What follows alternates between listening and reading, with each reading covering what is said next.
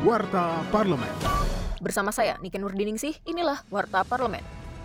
Ketua DPR RI Puan Maharani turut berbela sungkawa atas tragedi kerusuhan di Stadion Kanjuruhan Malang yang menelan 127 korban jiwa. Akibat tragedi pasca laga Arema melawan Persebaya itu, ratusan orang juga mengalami luka-luka. Ia menegaskan tragedi tersebut mutlak harus diinvestigasi secara menyeluruh. Kepada PSSI, Puan mengingatkan agar berbenah diri serta mengevaluasi total pelaksanaan Liga Sepak Bola Nasional.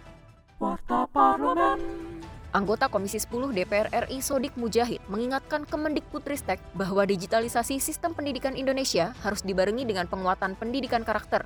Kita khawatir, banyak yang khawatir, rakyat yang khawatir bahwa prinsipnya kita setuju dengan digitalisasi itu dalam dunia modern, tapi tolong jangan mengurangi, bahkan harus meningkatkan, menguatkan pendidikan karakter ya, karakter atau akhlak bangsa ini.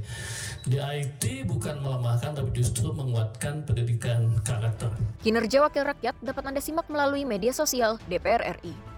Anggota Komisi 9 DPR RI Kurniasih Mufidayati mengkritisi kurangnya sosialisasi dan terbatasnya masyarakat mendapatkan informasi dari BPJS Ketenaga Kerjaan yang mengakibatkan kurangnya jumlah kepesertaan.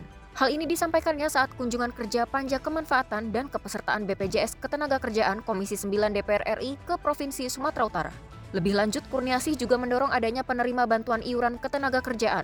Oleh sebab itu, Panja mendorong pemerintah mengalokasikan anggaran untuk jaminan sosial ketenaga kerjaan bagi pekerja miskin, rentan, dan tidak mampu, atau PBI Jam Sosnaker untuk masyarakat pekerja bukan penerima upah, seperti nelayan, petani, pekerja rumahan, dan lain-lain.